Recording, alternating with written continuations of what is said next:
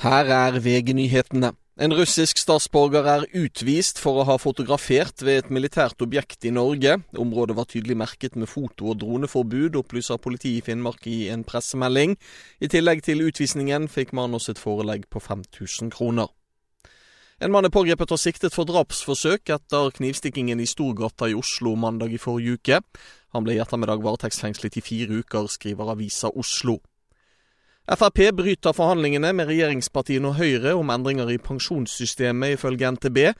Partileder Sylvi Listhaug sier de trekker seg, fordi det ikke er mulig å sikre et flertall for en anstendig minstepensjon og beskytte opparbeidede rettigheter.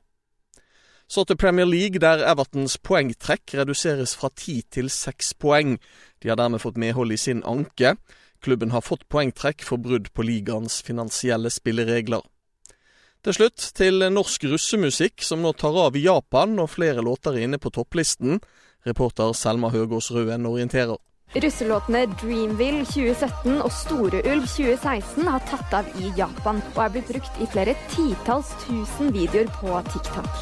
Det, er ikke noe du planlegger som artist fra Norge.